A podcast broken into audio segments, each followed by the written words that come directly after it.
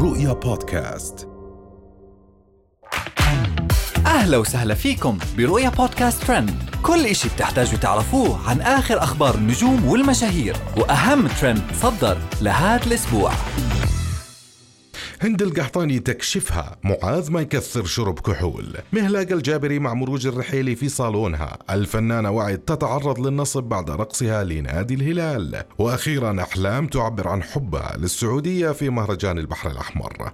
أثارت مشهورة ال social media السعودية الهاربة لأمريكا هند القحطاني الجدل بشكل كبير بعدما انتشر فيديو جديد لها وهي تسولف فيه عن شرب ولدها معاذ للكحول. وطلعت هند القحطاني بالفيديو وهي تقول معاذ ولدي ما يفرط بالشرب الحمد لله. يعني يشرب لكن ما يكثر بالمشروب. وقالت إنه عيالها عمرهم ما تعاطوا المخدرات أو حتى يدخنون سجاير إلا معاذ اللي صار عمره 21 سنة يشرب لكن ما يكثر. ومن هند القحطاني وقصصها راح نروح لمروج الرحيلي وصالونها. تداول رواد مواقع التواصل الاجتماعي في السعودية والخليج. مقطع فيديو لمشهورة ال social media وخبيرة التجميل السعودية مروج الرحيلي وهي برفقة المشهورة مهلاقة الجابري في صالونها الجديد. وطلعت مروج الرحيلي ومهلاقة في فيديو سوا وهم بيستعرضوا تسريحة شعرها ومكياجها اللي سوته في صالون مروج من أجل الذهاب لمهرجان البحر الأحمر في جدة. ومن مروج الرحيلي ومهلاقة راح ننتقل للفنانة وعد اللي انتصب عليها. كشفت الفنانة وعد تعرضها لحالة احتيال حيث تمكنت جهة مجهولة من سحب بيانات حساباتها البنكية وأوضحت وعد في مقطع فيديو أنها فوجئت برسائل على هاتفها بتفيد بأخذ مبالغ مالية من حساباتها بدون علمها. عبرت الفنانة عن استيائها من إجراءات البنك البطيئة في وقف الحسابات البنكية